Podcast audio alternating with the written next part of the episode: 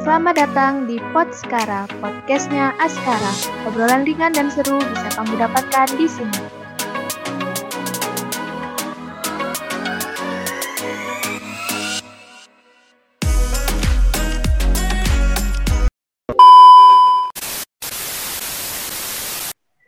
Di episode 2 Podskara kali ini, uh, kita bakalan ngobrolin hal yang membuat kita termotivasi untuk mengusir kemalasan kita nih. Uh, Kira-kira apa ya, Lis? Sebentar, Rangga, jangan di-spill dulu. Kayaknya kita kenalan dulu deh. Oh iya, lupa kita belum kenalan saking semangatnya nih, Lis. Oke, kenalin. Aku Elisia dari FTI 2019. Uh, dan aku Rangga Maeswara Arya Satya dari FTI 2020. Kami di sini akan menemani Sobat FTI di episode 2 Pod Sekarang. Wih, kita juga nggak berdua aja nih, ada speaker kita yang mau nemenin di episode kali ini. Kira-kira siapa ya? Bener banget, Rangga. Sobat FTI pasti kepo nih. Halo, Kak. Bisa memperkenalkan diri ya, Kak? Oke, halo semuanya. Halo Liskia dan halo Rangga. Halo. Halo. Makasih banyak buat kesempatannya udah diajak untuk eh, bincang-bincang santai hari ini. Kenalin, aku Sinta Nursenja, biasanya dipanggil Sinta. Eh, tergolong cukup tua untuk angkatannya dibanding kalian masih muda-muda, masih fresh-fresh untuk FTI ya. Eh, aku dari FTI 2017. Salam kenal buat semuanya. Salam kenal, Kak Sinta. Nah, Ngomong-ngomong gimana nih, Kak, kabarnya, Kak? Alhamdulillah baik. Kalian gimana kabarnya nih? Alhamdulillah. Masih aman dengan sistem aman. online? Pak, Aman. aman tapi ya gimana ya, Rangga ya? kadang aman, kadang ya gitulah. Dinikmatin ya. Iya kak, bener banget. Nah, sobat FTI harus tahu nih, kakak Kak Sinta di sini yang nemenin kita adalah salah satu dari mahasiswa FTI UPN Veteran Yogyakarta dan ber- yang berprestasi dan tentunya keren banget. Kak Sinta akan berbagi tips dan pengalaman yang tentunya berguna banget buat aku, Rangga, dan sobat FTI. Betul banget. Eh, speaker kita di sini itu keren banget loh Sobat FTI. Bisa sharing ke kita Kak motivasi apa yang menjadi pegangan hidup Kakak sehingga bisa berprestasi hingga sekarang ini Kak. Oke. Eh, ini untuk disclaimer aja ya, hanya untuk berbagi pengalaman. Semoga nanti hasilnya nanti di akhir bisa diambil yang baik.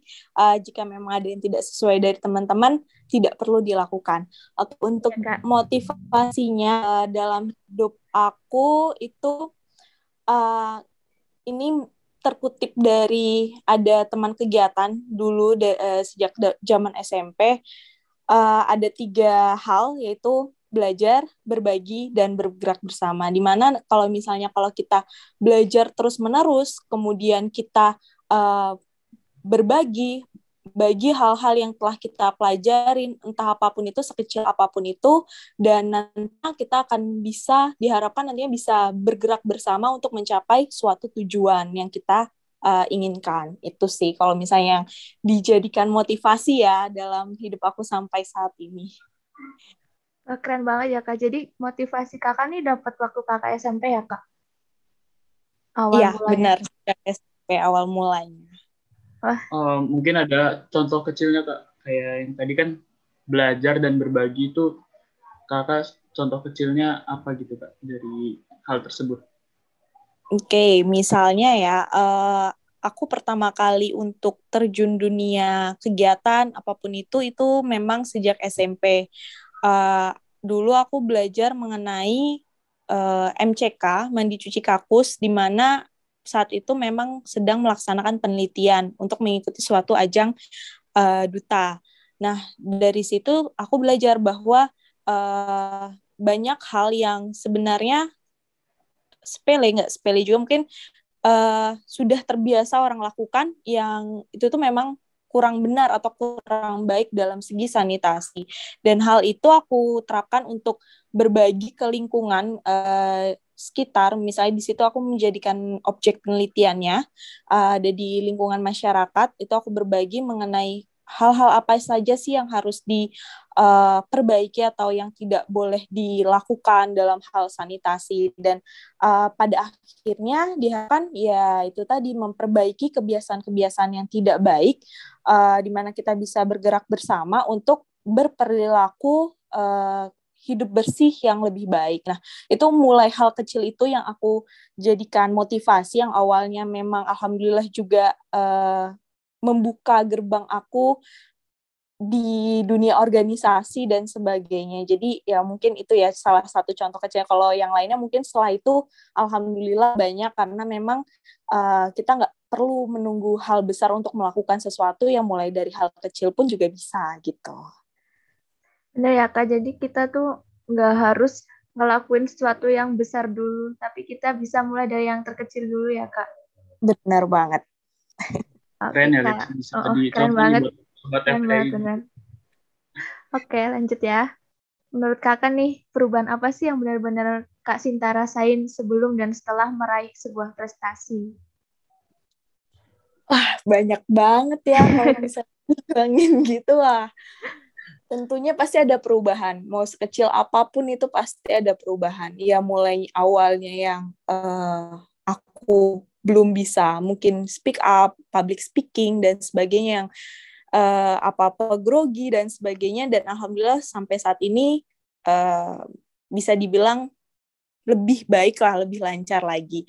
Kemudian juga mungkin dulu sempat diremehin orang-orang, sempat di uh, underestimate bahwa ah paling juga Sinta nggak bisa ini itu ini tuh dan alhamdulillah uh, sampai saat ini ya aku bisa membuktikan bahwa ya nggak usah menggubris kata-kata orang itu kalau memang itu belum tentu benar yang ada pada dirimu. Dan yang terasa banget prestasi ya aku alhamdulillah di uh, kuliah ini mendapatkan beasiswa unggulan dari Kemendikbud di mana uh, itu semua nggak bisa aku raih tanpa adanya prestasi-prestasi yang aku raih lima tahun terakhir lima tahun terakhir sejak aku masuk kuliah ya pasti semuanya ada uh, jerih payahnya, ada keringatnya, usahanya, semuanya.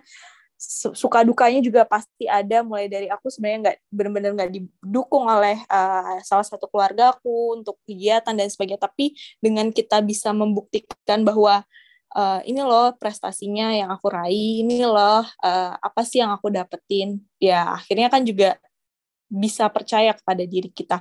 Tentu pasti banyak yang berubah mulai dari pertemanan, kemudian circle-circle kita, terus juga eh, pandangan, wawasan itu semakin banyaknya circle kita yang mengenai eh, prestasi dan sebagainya pasti akan memicu kita juga untuk lebih baik ke depannya. Itu sih pasti banyak lah kalau untuk mengenai perubahan. Banyak banget berarti ya kak, keren banget. Kakak ini berarti nerima beasiswa ya kak? Iya, alhamdulillah. Makanya harus cepet kelar ini. oh iya, kakak udah semester akhir ya kak? iya benar. Udah semangat kak Sinta. Kamu iya. mau tanya nih, apa? Uh, yang mengenai be beasiswa itu apa yang mm -hmm. dipersiapkan itu kak untuk biar bisa dapat beasiswa unggulan itu ya ini yes. sebagai sefruit tips, sefruit tips juga buat teman-teman sobat uh, eh, FTI kali ya. Uh, mungkin banyak yang belum tahu juga tentang beasiswa unggulan. Gak apa-apa kita dikasih agak, tips ini. Agak uh, agak ini sedikit ya ke beasiswa. Makasih banget loh kak. karena ini menurutku penting loh buat kalian dan wah, iya benar. Iya kalau banyak banget yang mengincar dan itu tuh katanya susah ya kak. Iya. kalau aku juga awalnya juga nggak tahu ya uh, aku memang awalnya masuk kuliah itu coba ah beasiswa. Awalnya memang aku kan asalnya dari Balikpapan ada beasiswa daerah beasiswa Kaltim Cemerlang namanya.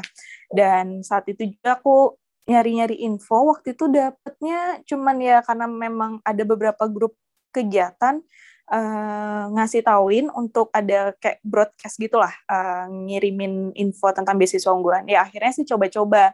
Dan itu waktu itu pada saat tahun itu hanya uh, pas gelombang pertama itu sebenarnya aku nggak lolos. Jadi emang agak susah ya. Bukan agak lagi sih memang susah untuk seleksinya. ya, susah. mulai dari mm, mulai dari esai kemudian um, apa namanya berkas-berkas yang cukup banyak karena lima tahun terakhir dan kesalahan di aku waktu gelombang pertama itu aku memasukkan semua sertifikat prestasi yang aku miliki uh, termasuk peserta sedangkan uh, yang diminta oleh panitia itu hanya yang juara saja meskipun tingkatnya hanya kabupaten. Jadi aku waktu itu meskipun peserta misalnya tingkat nasional, aku masukin nih padahal nggak juara, padahal peserta gitu kan. Nah itu ternyata memang uh, tidak diperbolehkan. Nah ini juga bisa diperhatikan oleh teman-teman jika ingin mengapply apa pun itu, harap diperhatikan mengenai kriteria-kriteria apa saja sih yang diinginkan. Nah jadi kita tidak boleh uh, memasukkan atau mengapply di luar dari yang tidak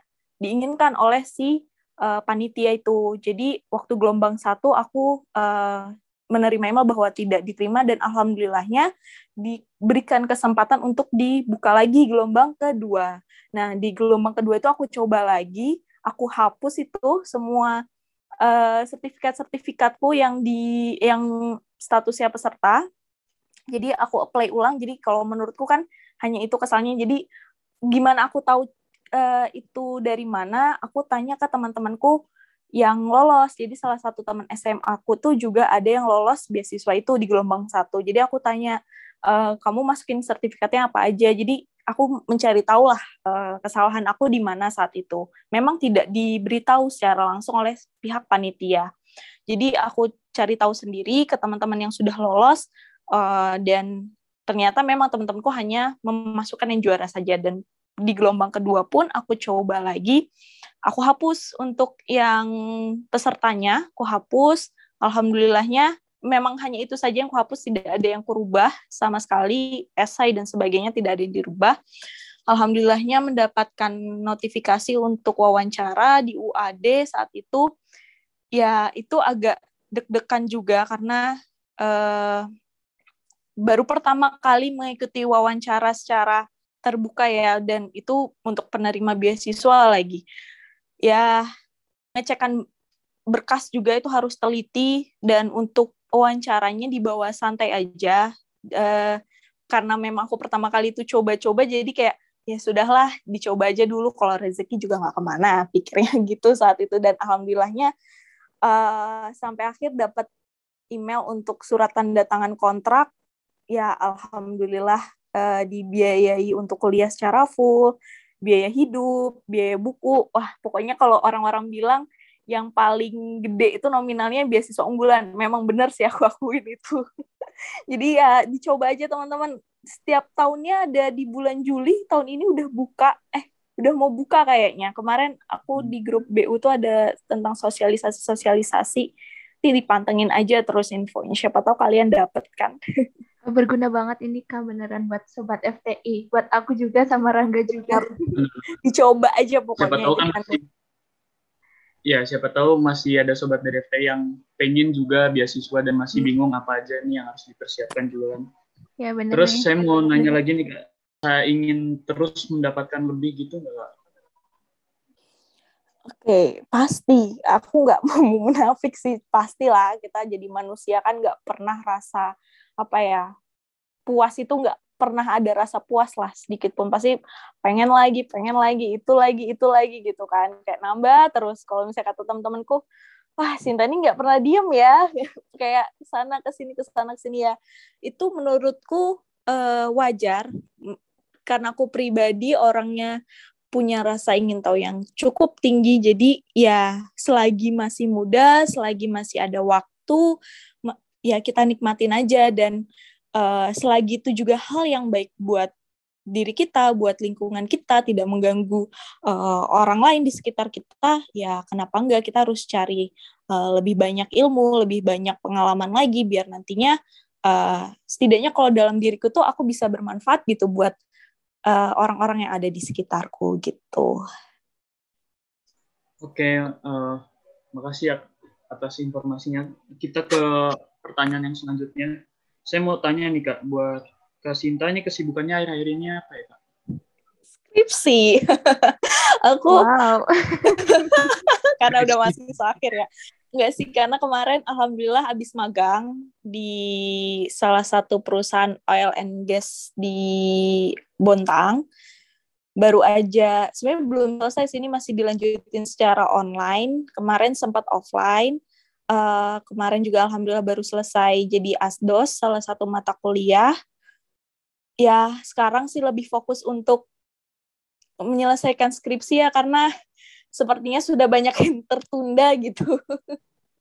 Ya, itu ya, sih paling ngerjain skripsi harus fokus ya kak.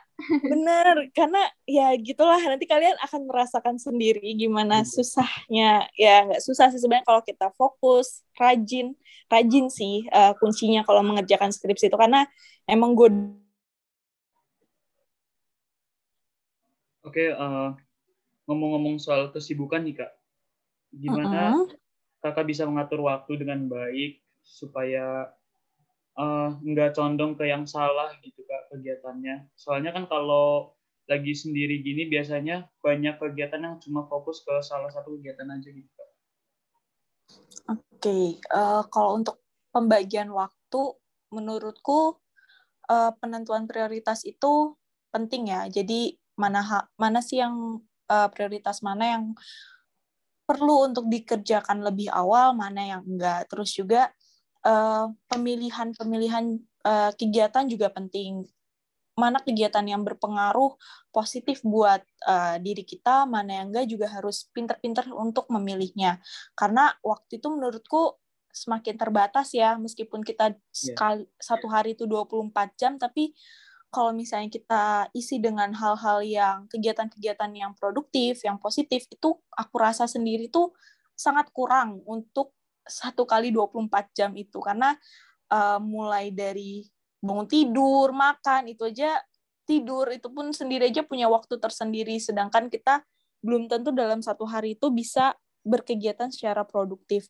Uh, kalau aku pribadi bagaimana aku membagi waktu yaitu tadi uh, menentukan skala prioritasku, mana yang menurutku kegiatan mana yang perlu aku ikutin, mana yang tidak kalau untuk saat ini aku mungkin lebih memilih untuk memilah-milah ya uh, kegiatan mana sih yang saat ini aku perlu lakuin. Misalnya work, ada workshop atau seminar yang menurut aku sesuai untuk uh, kepribadianku atau kegiatanku yang akan datang itu mana yang perlu mana yang tidak. Kalau sekiranya itu tidak perlu atau hanya untuk menambah sertifikat dan sebagainya ya aku rasa uh, aku tunda dulu. Karena di saat seperti ini ya itu tadi balik lagi yang menurut kita prioritas beda halnya waktu dulu aku masih awal-awalnya. Uh, mencari-cari lah kayak kegiatan mana sih yang bagus buat aku yang sesuai dengan passion aku. Nah itu mungkin aku semuanya akan aku ikuti dan nantinya akan dapat bayangan nih oh yang ini nih yang sesuai. Tapi karena untuk saat ini alhamdulillah sudah dapat uh, oh ini yang aku sukai ini yang sesuai dengan passion aku. Jadi mungkin aku sekarang lebih ke uh, memilah-milah sesuai dengan prioritas yang aku senengin gitu. Iya bener ya kayak satu hari mm -hmm. satu hari 24 jam tuh kayaknya kurang banget kak ngerasanya. Kurang bener, apalagi kamu masih semester awal ya nanti kamu iya. bisa semester atas-atas nah itu kalau udah tugas mulai banyak wah. Waduh ya apalagi. Kurang banget rasanya kalau aku dulu offline ya kayak hmm. ya ampun udah pagi lagi cepet banget padahal iya, saya iya. kerjaan tugas belum selesai tapi ya dinikmatin lah nanti bakal ngelaluin juga. Benar-benar oke okay, uh, eh, di pertanyaan selanjutnya ya kak. Di masa pandemi ini kan semua kegiatan kampus tuh online kak. Nah Benar. online kayak gini tuh bikin kita jadi tambah ngerasa males. Nah ada nggak sih kak tipsnya buat ngelawan rasa males tersebut? Uh, aku setuju online dengan online ini pasti kita lebih ke mager ya, males iya, gerak, ya. males ngapa-ngapain ya enggak sih? Iya, kayak iya. Uh, lebih kayak rebahan terus megang HP, scroll-scroll ya, TikTok mm. lah apalah gitu ya. Tapi ya kalau untuk hiburan menurutku perlu kita perlu untuk 15 menit, 10 sampai 15 menit lah dalam satu hari. Misalnya kita emang lagi full dalam tugas dan kegiatan lainnya uh, untuk hiburan itu perlu menurut aku. Tapi ya kita harus membatasinya juga supaya kita tidak tenggelam dalam rasa kemalasan kita. Kalau misalnya aku sendiri uh, ya ada yang hal-hal yang perlu kita motivasiin. Kayak misalnya target dari yang kita inginkan itu apa? Misalnya kalau misalnya ada tugas ini tapi aku males males ah ngerjainnya misalnya gitu ya. Tapi kayak kamu mau nggak dapat nilai A atau kamu mau nggak nilai dapat uh, dapat nilainya tinggi gitu. Ya mau nggak mau kan harus dikerjakan. Nah hal hal-hal yang uh, meskipun kata-kata itu hanya terlintas di dalam pikiran hati hanya sebentar tapi menurutku itu sangat uh, membangun rasa kemalasan kita supaya kita uh, bisa mengerjakannya lagi bisa bangkit lagi dari rasa kemalasan kita. Dan satu hal yang penting menurutku kalau misalnya uh, mengalahkan rasa kemalasan itu adalah keniatan kita. Kalau misalnya kita udah niat, udah dengan segenap hati, uh, oke okay, aku harus kerjakan, oke okay, aku harus, aku hanya istirahat hanya 15 menit, ini, ini, ini, tapi aku harus balik lagi dengan keadaan yang full energiku, ya itu kita harus uh, disiplin karena nantinya dari kebiasaan-kebiasaan itu uh, bisa jadi kebiasaan baru yang disiplin yang lebih baik lagi gitulah intinya. Ya. Uh, Kak, terlepas dari hal-hal produktif seperti itu, kan rasa males nih bisa timbul dari kita bosan di rumah yang di keadaan mm -hmm. seperti ini kan Kak. Nah, Benar. Uh, cara ngehibur diri di rumah nih gimana Kak supaya kita nggak merasa bosan gitu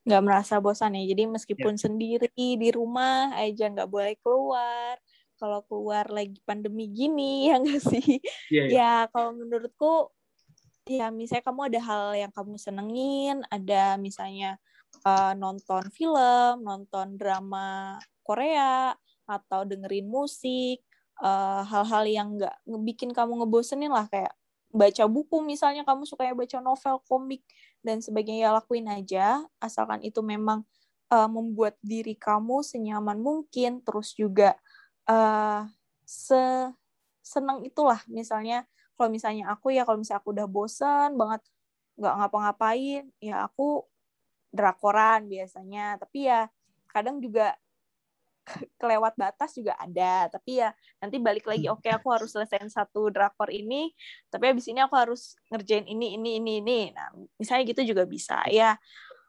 ya lagi nonton drakor apa kak lagi nonton drakor Nevertheless kayak Penthouse oh sama kayak Alice nih kan ini yang kita satu server kak kayaknya. Satu server ya.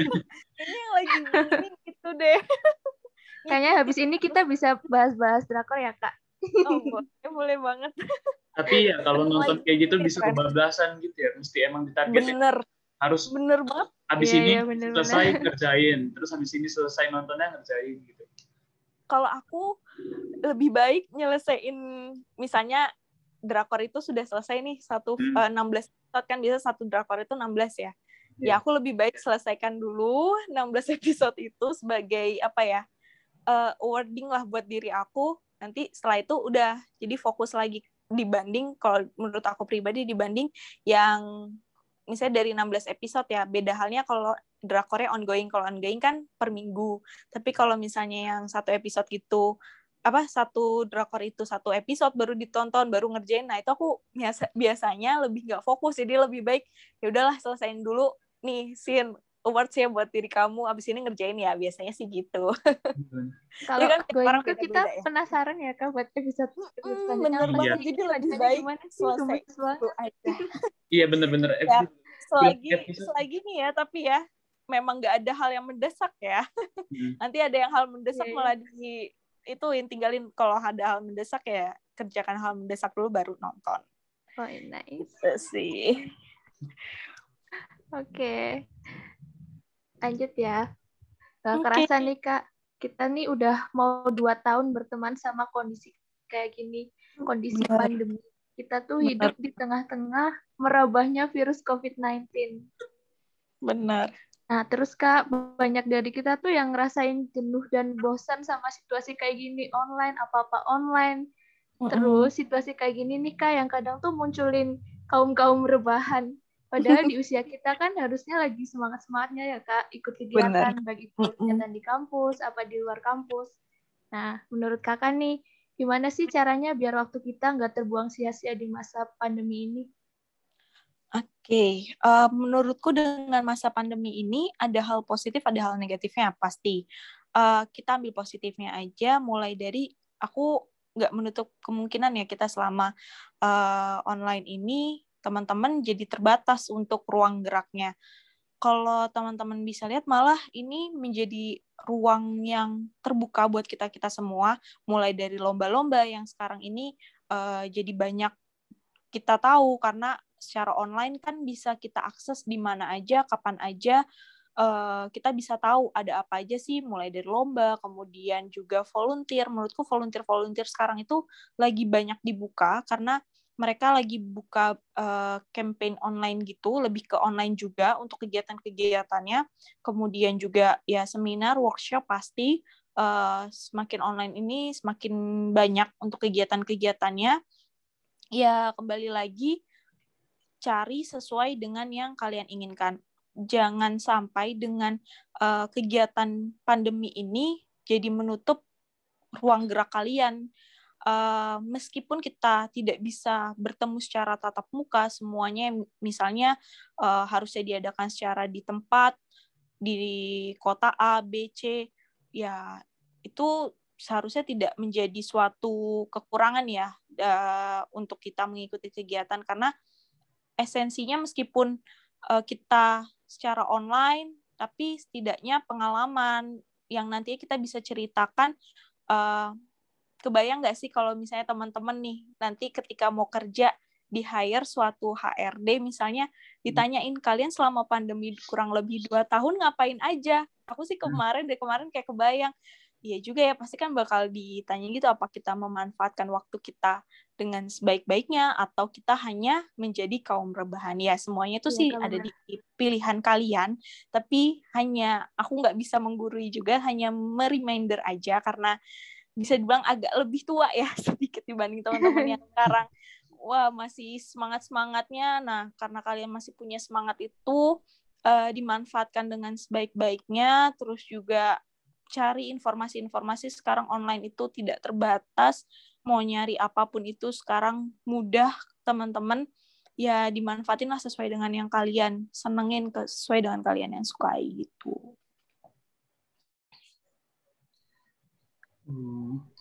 Terus Oke, Kak. Ini benar-benar masukan buat kita ya, Rangga. Iya, benar-benar. ya, kalian tuh harus semangat.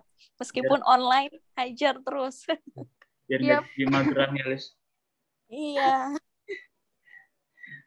Uh, lanjut ya, Kak, ke pertanyaan selanjutnya.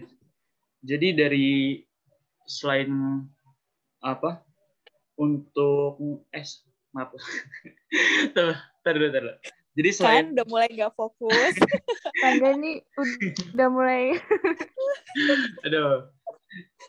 Jadi selain ngerasain jenuh sama bosan yang udah kita omongin, banyak dari kita ini juga ngerasa kegiatan online seperti ini kan ngurangin kemampuan kita dalam berkomunikasi. Nah, hmm. karena kita juga hanya mengandalkan medsos doang kan, Kak.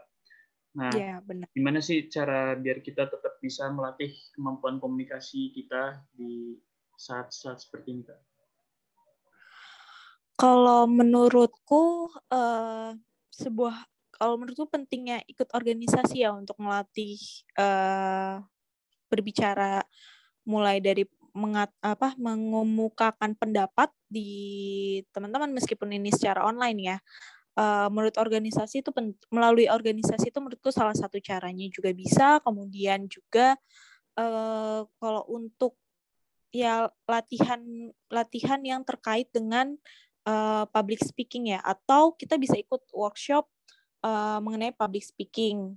Terus juga uh, kalau untuk public speaking sendiri emang aku akuin untuk yang pandemi ini uh, agak sulit tapi setidaknya kalau misalnya teman-teman memang mau berlatih atau atau pengen tahu uh, gimana sih cara yang berkomunikasi yang baik dan benar itu bisa di search aja di YouTube. Itu aku juga salah satu caraku juga uh, awal-awal itu belajar gimana sih cara komunikasi yang baik dan benar. Itu aku juga awalnya juga nonton-nonton YouTube aja sambil uh, searching-searching lah gimana caranya dan untuk pengaplikasiannya sendiri kalau memang ini ya ke teman-teman aja dulu sekitarnya terus juga melalui organisasi juga bisa kemudian uh, presentasi juga bisa dan aku sebenarnya juga pengen uh, membagikan pengalamanku gitu. Kalau misalnya teman-teman juga ada yang pengen tahu, ya silahkan aja hubungin aku. Kalau misalnya pengen tahu gimana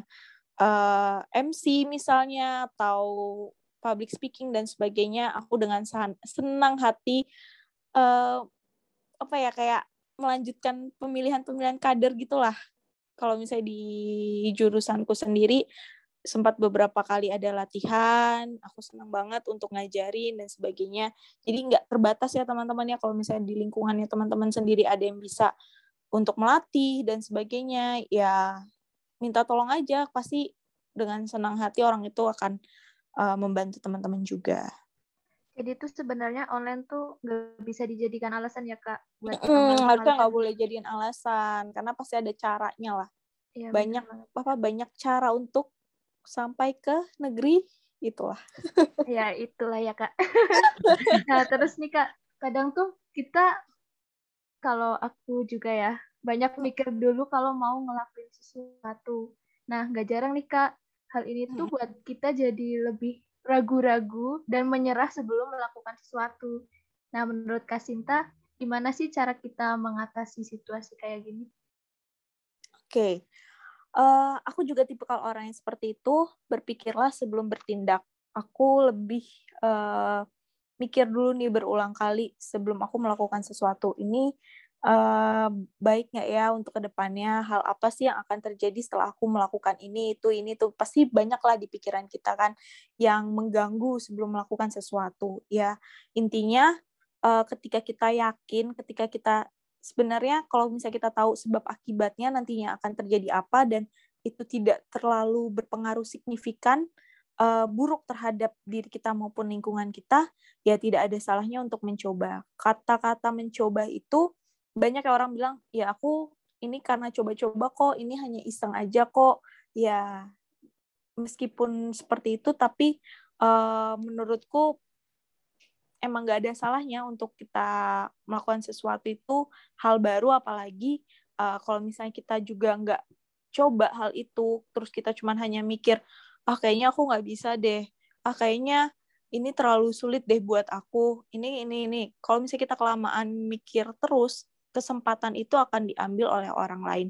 Dan belum tentu kita akan mendapatkan kesempatan uh, untuk kedua kalinya. Jadi uh, take a change ambil kesempatan itu uh, setelah kalian berpikir ya jangan terlalu lama. Yang penting kalian tahu sebab akibatnya seperti apa. Dan ya ambil bagian itu untuk diri kamu sendiri.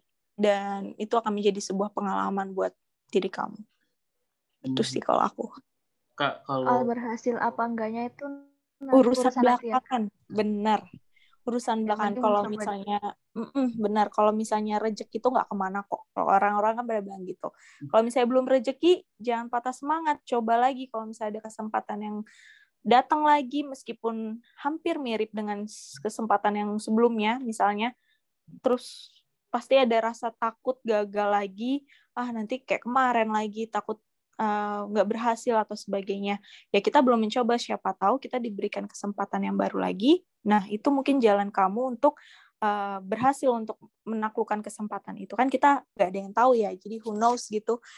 Ya pokoknya diambil terus aja. Kalau aku sih ambil. Kalau misalnya ditawarin Kasinta bisa ini. Kasinta bisa ini. Aku ambil aja dulu. Kita nggak nggak akan tahu misalnya aku kayak sekarang sepertinya uh, ke depannya seperti apa. Kan juga belum tahu seperti apa gitu oke kalau misalkan misal ya dari mm-hmm. kami atau sobat FTI minta diajarin cara berkomunikasi kayak seperti tadi. Ih, boleh banget. Apa ke Kasinta boleh nih? Boleh banget. Aku dengan senang hati. Sebenarnya aku juga udah Wah. kayak sebenarnya juga kayak pengen tahun lalu kan memang sempat alumni BEM kan, tapi hmm. karena keterbatasan dan sebagainya kan kemarin juga masih full. Jadi hanya kemarin juga ada yang dari jurusan Kasinta ajarin MC ini, ayo, ya yeah, ya aku dengan senang hati. Wah, tuh bisa karena menurutku ya. pengalaman ilmu tuh gak boleh pelit ya, karena hmm. kita malah siapa tahu ada orang-orang yang lebih baik dari kita, malah kita dikasihin kita juga jadi nambah wawasan baru. Kalau aku sih mikirnya gitu, jadi nggak boleh pelit ilmu lah dengan senang hati teman-teman kontak aja ntar kita atur jadwalnya. Asik. Apalagi aku agak free kan jadi makanya aku pengen ngisi waktu kosongku juga buat teman-teman kan. Iya yeah, bener ya kalau tapi ntar gimana nih list kontaknya dia apakah tersedia list kontaknya Kak Sinta? Kan kalau misalkan ini podcastnya uh, ada apa ya ada videonya kan bisa kita sebut di kontaknya di bawah ini gitu kan. Tapi kan kita hanya suara doang mas. Nanti mungkin di captionnya kalian atau kalau enggak follow IG-nya Kak Sinta aja ya kak. Hmm, oh ya nanti dicantumin. lewat IG iya nanti dicantumin aja. Ya udah. Oke kak. Hmm, bisa cerita nih kak uh, masalah tersulit apa yang Kak Sinta pernah hadapin di perkuliahan masa pandemi ini dan gimana sih cara kakak ngatasi masalah itu? Oke, okay. masalah pas kuliah pandemi ya. Sebenarnya kalau masalah kuliah lebih banyak offline ya, kalau boleh jujur ya karena pas pandemi ini aku pas semester tujuh, tujuh kan delapan ya, enam ya, enam mulai semester enam kah tujuh ya?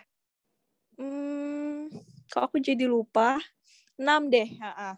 Nah, uh, pasti peralihan ya. Pertama kali peralihan itu uh, aku cukup kesulitan mulai dari yang sistemnya yang kurang apa ya pasti kan butuh proses lah.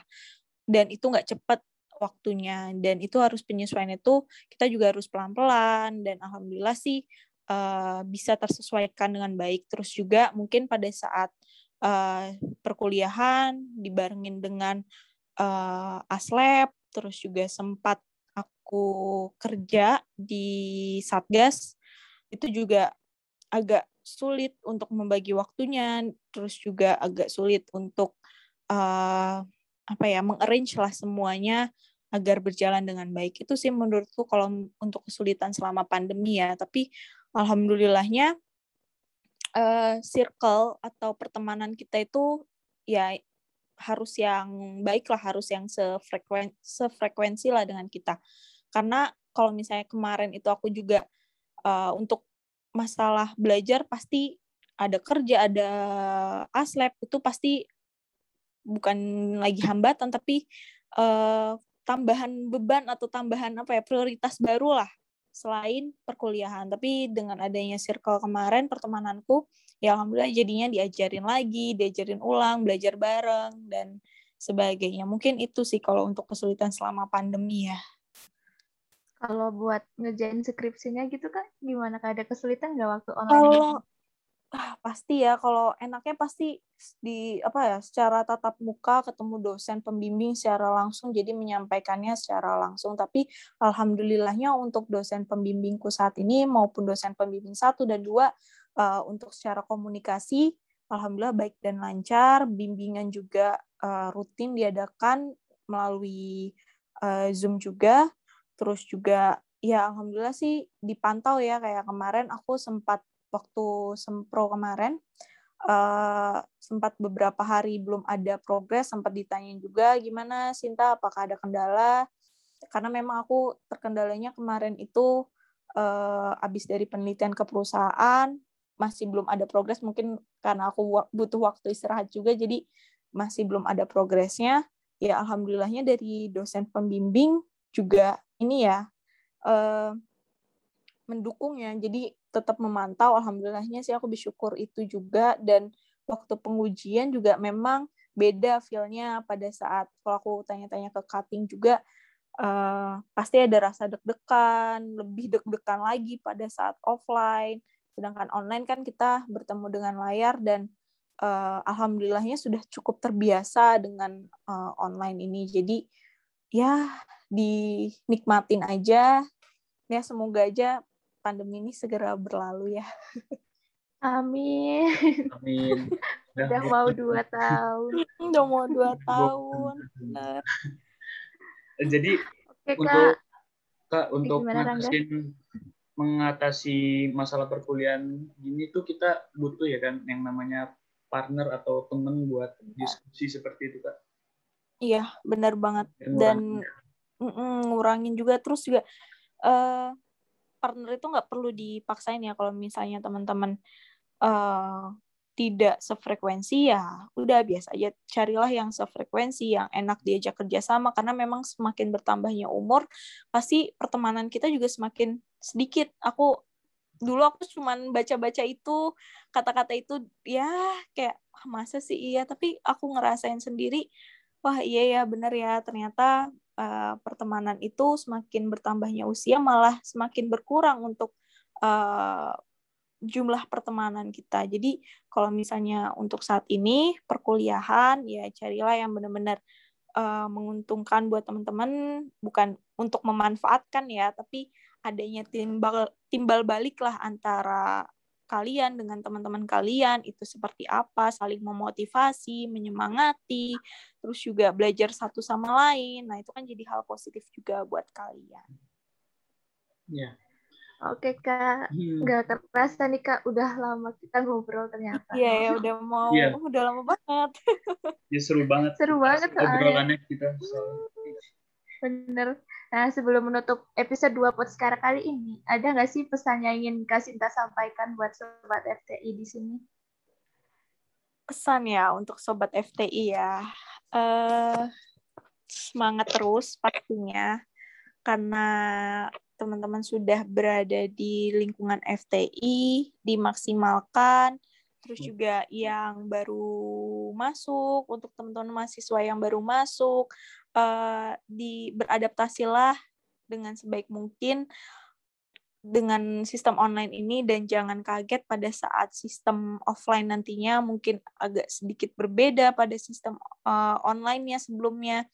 Nah, itu harus di belajar-belajar uh, belajar cepat untuk menyesuaikan. Terus juga manfaatkanlah uh, kegiatan-kegiatan untuk di FTI sendiri banyak ya kegiatan-kegiatan positif, kegiatan-kegiatan menarik mulai dari BEM yang ada di BEM fakultas, terus juga jurusan-jurusan uh, di tempat tempat teman-teman uh, saat ini kuliah itu juga banyak kegiatan-kegiatannya. Nah, itu uh, diikuti kalau bisa jangan jadi ansos ya karena untuk perkuliahan menurutku sendiri itu akan nantinya bekal untuk teman-teman mencari kerja. Pada saat kemarin aku magang mungkin agak sedikit berbagi pengalaman pada saat magang kemarin. Memang uh, sempat ditanyain kegiatannya kemarin ngapain aja di kuliahan ada mata kuliah apa aja yang dipelajari terus juga organisasi apa yang diikuti, terus apa yang kamu dapatkan dari organisasi itu. Nah, kalau misalnya teman-teman tidak memanfaatkannya dengan baik, uh, misalnya nggak ikut apa pun itu, ya teman-teman harus bisa memberikan nilai plus yang yang ada pada diri teman-teman yang bisa teman-teman jual uh, nantinya ke ke perusahaan teman-teman nanti uh, nantinya pengen bekerja. Kalau misalnya pengen berwira berwirausaha, nah itu lebih bagus lagi karena nantinya malah bisa buka lapangan kerja baru ya buat uh, pekerja-pekerja lainnya. Nah, uh, pokoknya dimaksimalkan, jangan disia-siakan. Waktu kuliah itu tidak terasa, teman-teman. 4 tahun itu uh, tidak terasa, nantinya tiba-tiba teman-teman sudah skripsi aja. Jadi uh, di nikmati momen-momen perkuliahan, isi dengan hal-hal yang positif, terus juga menginspirasi, kalau bisa menginspirasi lah buat teman-teman yang ada di sekitarnya. Itu mungkin ya. Oh ya, satu lagi jangan jangan malu bertanya kalau misalnya nanti ada mau tanya tentang public speaking, beasiswa, apalagi PKM. Wah misalnya. ini nih yang penting. PKM, eh, apa pun itu, ya kalau tentang perkuliahan, aku dengan senang hati ingin uh, bisa berbagi pengalamanku ke teman-teman semuanya, khususnya sobat FTI. Ya, terima kasih Kak uh, atas pesannya. Kita ini seru banget ya obrolannya di episode dua kali ini bareng Kak Sinta. Uh, makasih banyak juga buat Kak Sinta ya, yang udah berbagi pengalaman dan tipsnya buat sobat FTI. Uh, terima kasih juga buat Sobat FTI yang sudah mendengarkan episode 2 Podskara kali ini. Semoga bermanfaat ya, Lis. Dan episode kami berikutnya ya. Pantengin terus sosial media kami biar nggak ketinggalan info-info dari kami. Oke, tetap jaga kesehatannya Sobat FTI. See you. Bye-bye.